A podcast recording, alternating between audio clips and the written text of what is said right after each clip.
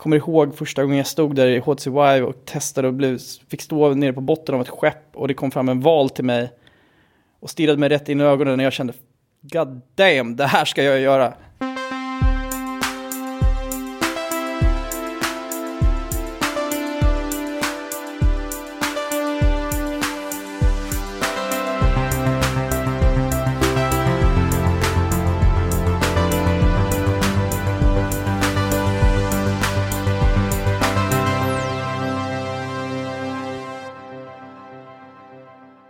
Ja, välkommen till Heja Framtiden. Jag heter Christian von Essen. Idag är vi på Epicenter och träffar Emil Charpentier som är vd och grundare för Sharpstar. Välkommen Emil.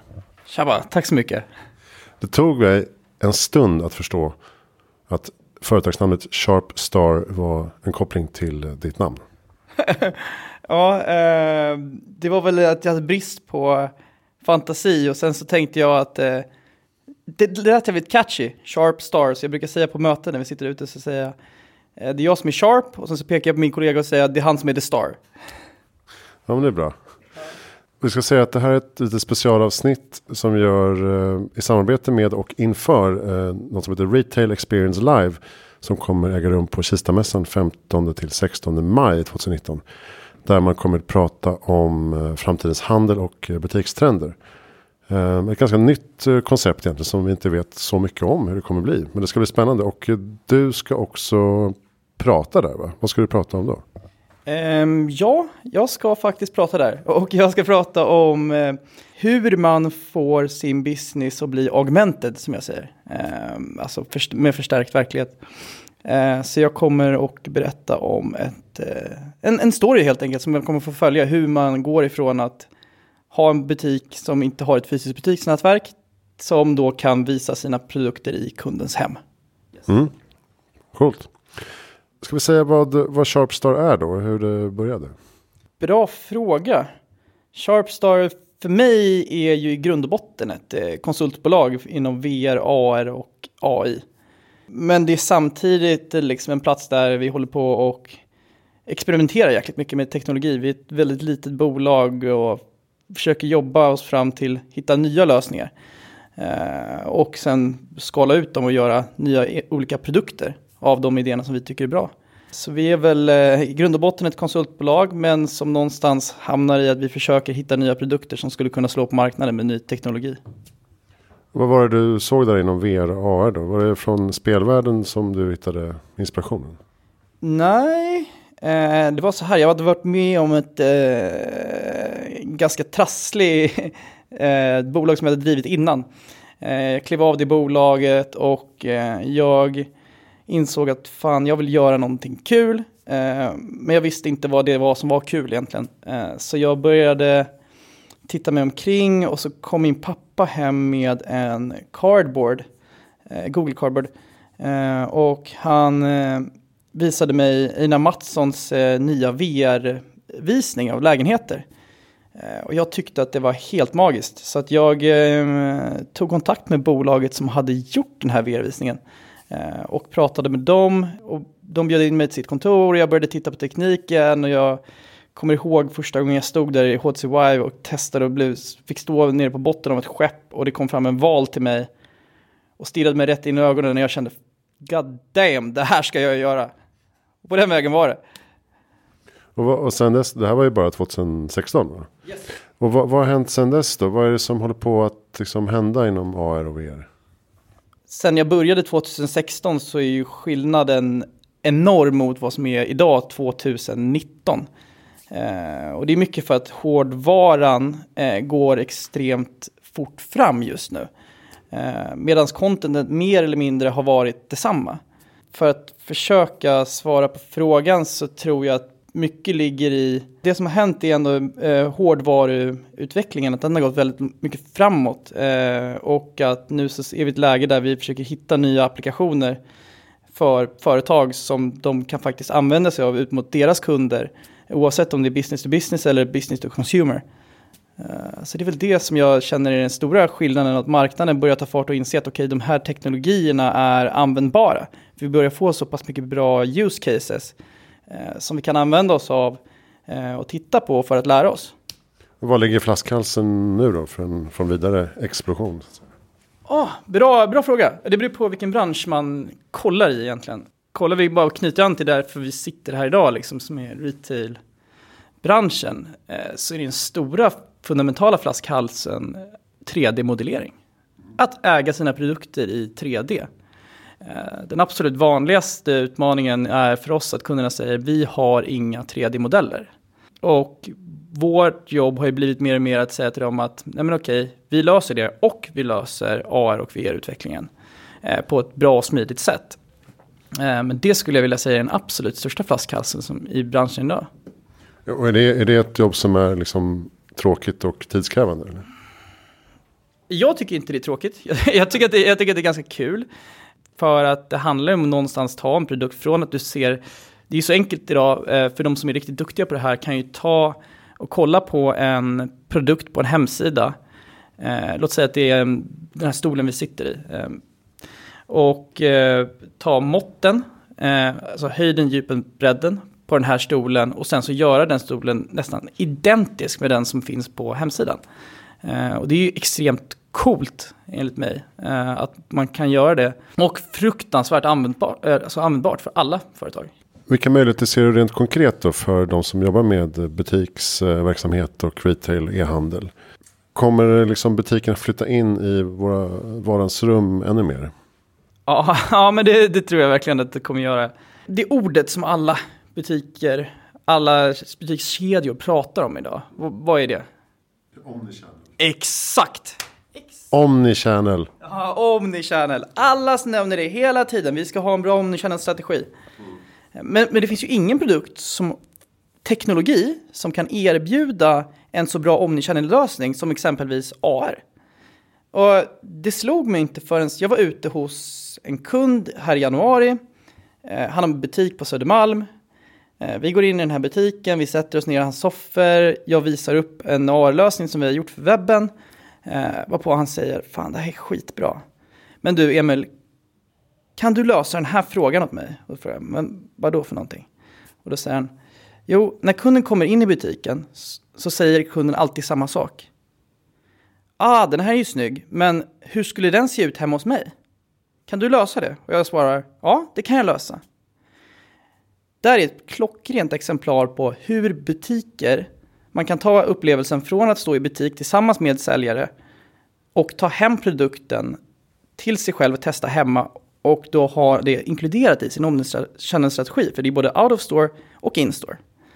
Eh, den största skräcken som alla retailers har idag är väl att en potentiell kund kommer in i butiken, ställer sig och tittar på en möbel, tar säljarens tid, går hem, men beställer från en annan hemsida som kanske har ett pris som är mindre. Och därför så ser jag att det kommer ha en extremt stor impact på Omnichannel. Just det, och också att man kan använda sig mer av eh, någon slags eh, showroom-lösning istället för att ha allt på lager. Uh, oh ja, oh ja. Alltså jag, tänk, jag tänker så här. Lager kommer man behöva oavsett. Uh, alltid. Men du behöver ju inte ha alla fysiska produkter i en butik. Um, utan du kan ju faktiskt ha butiker som är på en kvadratyta på 10-12 kvadrat. Eller 20 uh, eh, om du säljer lite större produkter. Um, och ha 6000 produkter virtuellt som du då kan visa kunderna på plats. Uh, och det skapar ju extrema möjligheter för pop-up stores och liknande. Ja, jag tänker eh, köpa ett kök i VR med en konsult eller säljare in i, i city istället för att hålla på och åka ut till eh, liksom en timme utanför stan. Jag tycker den där idén är så klockren. Eh, vi har ju själva gjort kök eh, åt Vedum kök och bad. Och vi har väl pitchat den här lösningen på andra köksleverantörer också. Men det är ingen som riktigt har nappat på det här. Utan man är ganska mycket kvar i den här idén om att man ska sitta och tillsammans med eh, en säljare kadda upp köket. Eh, för det finns vissa begränsningar i VR där man inte kan göra allting. För oavsett vad så har du ju inte ditt egna kök med ytan. Den är svår att översätta då in i en VR-värld direkt. Eh, vilket gör att begränsningen blir att du kommer bara ha ett standardutförande på ett kök som du kan visa i VR per idag. Och jag tror det är därför folk inte har köpt in på det. Men när den översättningen går att man kan översätta kundens reella hem låt säga att man skulle stå och scanna in det med en mobil för att sen ta med det till butik och att du kan stå och börja ändra, då kommer det ske en stor förändring. AR kontra VR, nu, nu tror ju man ju att eh, kanske augmented reality blir eh, snabbare växande. Mm. På sätt och vis. Men vad, vad, det, vad, krävs för att det ska slå på riktigt bland eh, gemene man, konsument? Är det AR-glasögon eller är det bättre användning i mobilerna? Först och främst bara så här, det är många som kör den här AR kontra VR. Och jag har aldrig velat göra det. Av den simpla anledningen att jag tycker att det är två helt vitt skilda teknologier som har helt olika användningsområden. VR är ju mer av en empatimaskin där du kan sätta folk i en first person view och få dem att känna samma sak som du själv skulle vilja känna. Eh, och egentligen manipulera, citattecken, manipulera eh, användaren till vad du vill att han, hon, hen, hen ska känna. Liksom. Eh, AR har ju ett mer direkt användande och det som vi ser nu i mobilen är ju alltså, fruktansvärt bra. Jag tycker att det är tillräckligt bra för att det ska ta fart. Det handlar ju bara egentligen om företagen ska investera i den här teknologin. Och återigen, då är vi tillbaka på problemet med att de måste skaffa sina, de måste ju börja med grundpelaren, vilket är 3D-modelleringen. Alltså jag menar, eh, Ikea var ju väldigt snabba på det här för de förstod att vi kommer att kunna använda alla våra 3D-modeller till mer än bara en sak. Vi kommer att kunna använda vår 3D-modellering till renderade 3D-bilder. Kollar man på Ikeas hemsida, ja, 99,9% allting är gjort i 3D. Eh, du kommer att kunna använda det för VR. Du kommer att kunna använda det för AR. Du kommer att kunna göra animerade filmer. Och du behöver aldrig fota de fysiska produkterna, bära runt på dem, för det finns massa olika kostnader där. Som inte ger företaget några benefits när de väl skulle kunna skapa digitala kopior. Eh, det som jag ser med det är ju egentligen utmaningen att så här, okej, okay, börja äga era egna 3D-modeller för att sen kunna göra content. Har man väl den på plats så finns det alla möjligheter för att kunna vara med på de här tekniska plattformarna. Och jag tror att det är där det stora grundproblemet ligger i att ett, folk vet inte hur man gör. Och det är väl där man måste vara first to market egentligen, och sprida kunskapen. Och det finns jag och flera andra bolag som är duktiga på det. Och vi går ju lite i bräschen för att sprida kunskapen om hur gör man. Så hur gör man? ja, eh, det finns ju olika approacher. Eh, vår approach är egentligen bara att kunna hämta information från kundernas hemsida. Vi kan ju princip bygga en 3D-modell av en bild på en produkt och mått. För att sen kunna ställa ut den i AR och få den i skala 1.1 för att kunna testa hemma. Eh, sen så finns det andra sätt där man kan 3D-skanna, vilket jag tror är bättre för vissa produkter, typ kläder, än vad modellering av kläder är. Eh, för det ger mer reell känsla. Så jag tror att det är de två alternativen som finns idag. Vårt alternativ är ju det som är klart bäst för inredning skulle jag vilja säga. Vad är in place AR då som ni håller på att jobba med? Det är eh, våran tolkning på hur man eh, applicerar AR på webben. Eh, I ett fullt steg från bilder på hem kundens hemsida till en 3D-modell till att den kommer ut via mobilen i ett webbgränssnitt som är tillhandahållet av Apple. Så det är, det är genom Apple och Safari då? Exakt. Utan liksom headset och glasögon och så här? Ja, det stämmer. Det stämmer. V vad, finns, äh, vad finns det för möjligheter där? Extrema möjligheter.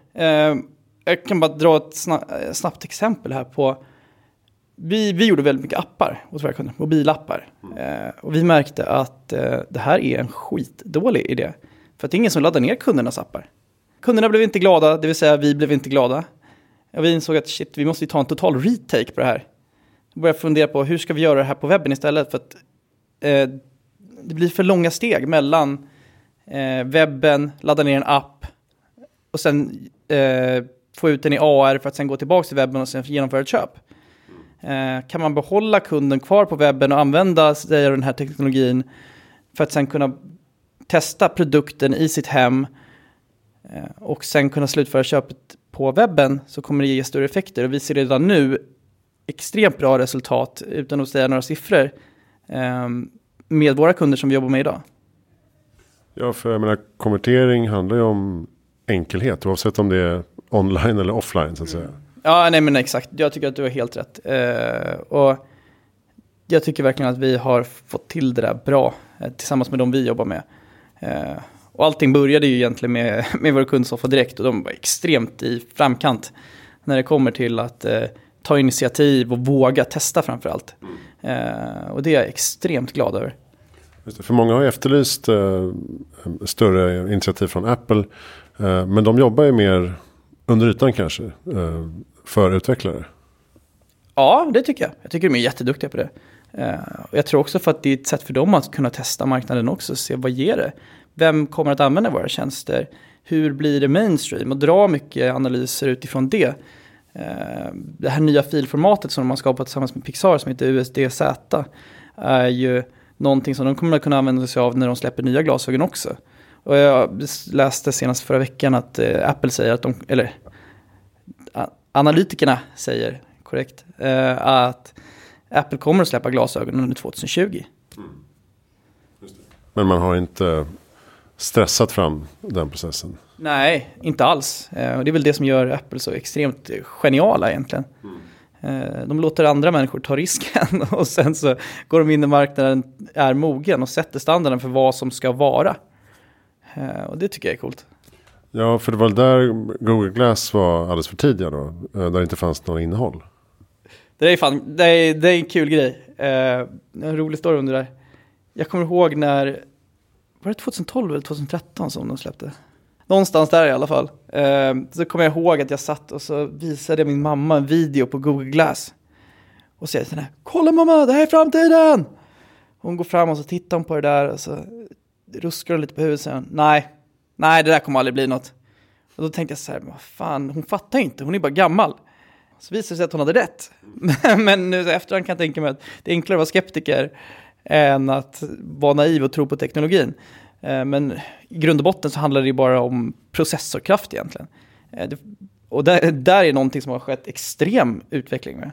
Jag menar, tittar man på den typen av hårdvara eh, som vi har idag i våra mobiler i form av eh, processorkraft så kan ju det vara jämförbart med eh, datorer för sex år sedan i, i laptops. Och det var ju det som gick fel där, skulle jag vilja säga. Ja, precis. Och, och nu är kanske tiden mogen för motsvarande Google Glass. Och att man kan flytta in hela mobiloperativsystemet i glasögon istället. Jag tror att vi kommer se en sån utveckling kommande åren. Ja, det tror jag. Jag, jag tror faktiskt att Apple kommer vara först på den. Uh, jag tror det. Jag, jag, vet att Google Glass kör ju nu med Enterprise versions. Liksom. Uh, vi har själv inte testat det. Uh, för att vi har inte haft något uttryckt behov från våra kunder om man ska vara helt ärlig. Och det är väl där i grund och botten det måste finnas. men för att lansera det på konsumenter när Apple släpper sina eh, produkter och fler börjar ta till sig dem så kommer det ju finnas ett behov från alla företag att finnas där också, där konsumenterna finns. Och jag tror att Apple kommer att göra det fantastiskt. Vad tror du att vi kommer se fram emot på Retail Experience Live då? Vad kan vi hoppas på? Ja, alltså jag har ju massa förhoppningar, förväntningar. Jag tycker att det ska bli sjukt kul att se vilka de olika typer av formaten är. Eh, för det finns massa olika retail-lösningar ute och det, jag framförallt läser fram emot nya sätt att tänka på inom den här världen. Så det ska bli jättekul att få gå och kolla på alla föreläsningar som är där och träffa allt folk. Du och jag kommer vara där. Eh, ja, men jag tror det blir bra stämning. Mm. Bra, tack snälla Emil Charpentier. Kolla in sharpstar.se. Ja, eller kom. sharpstar.com Kolla in sharpstar.com för mer information om eh, lösningen inom VR AR. Eh, vi ses på Retail Experience Live eh, 15 och 16 maj i Kista på Kista-mässan. Tack Emil för att du kom. Du, tack så jättemycket själv. Vad grymt. Eller jag fick komma till dig. Bra, eh, allt du vill veta finns på hejaframtiden.se. Jag heter Christian von Essen. Eh, tack för att du lyssnade.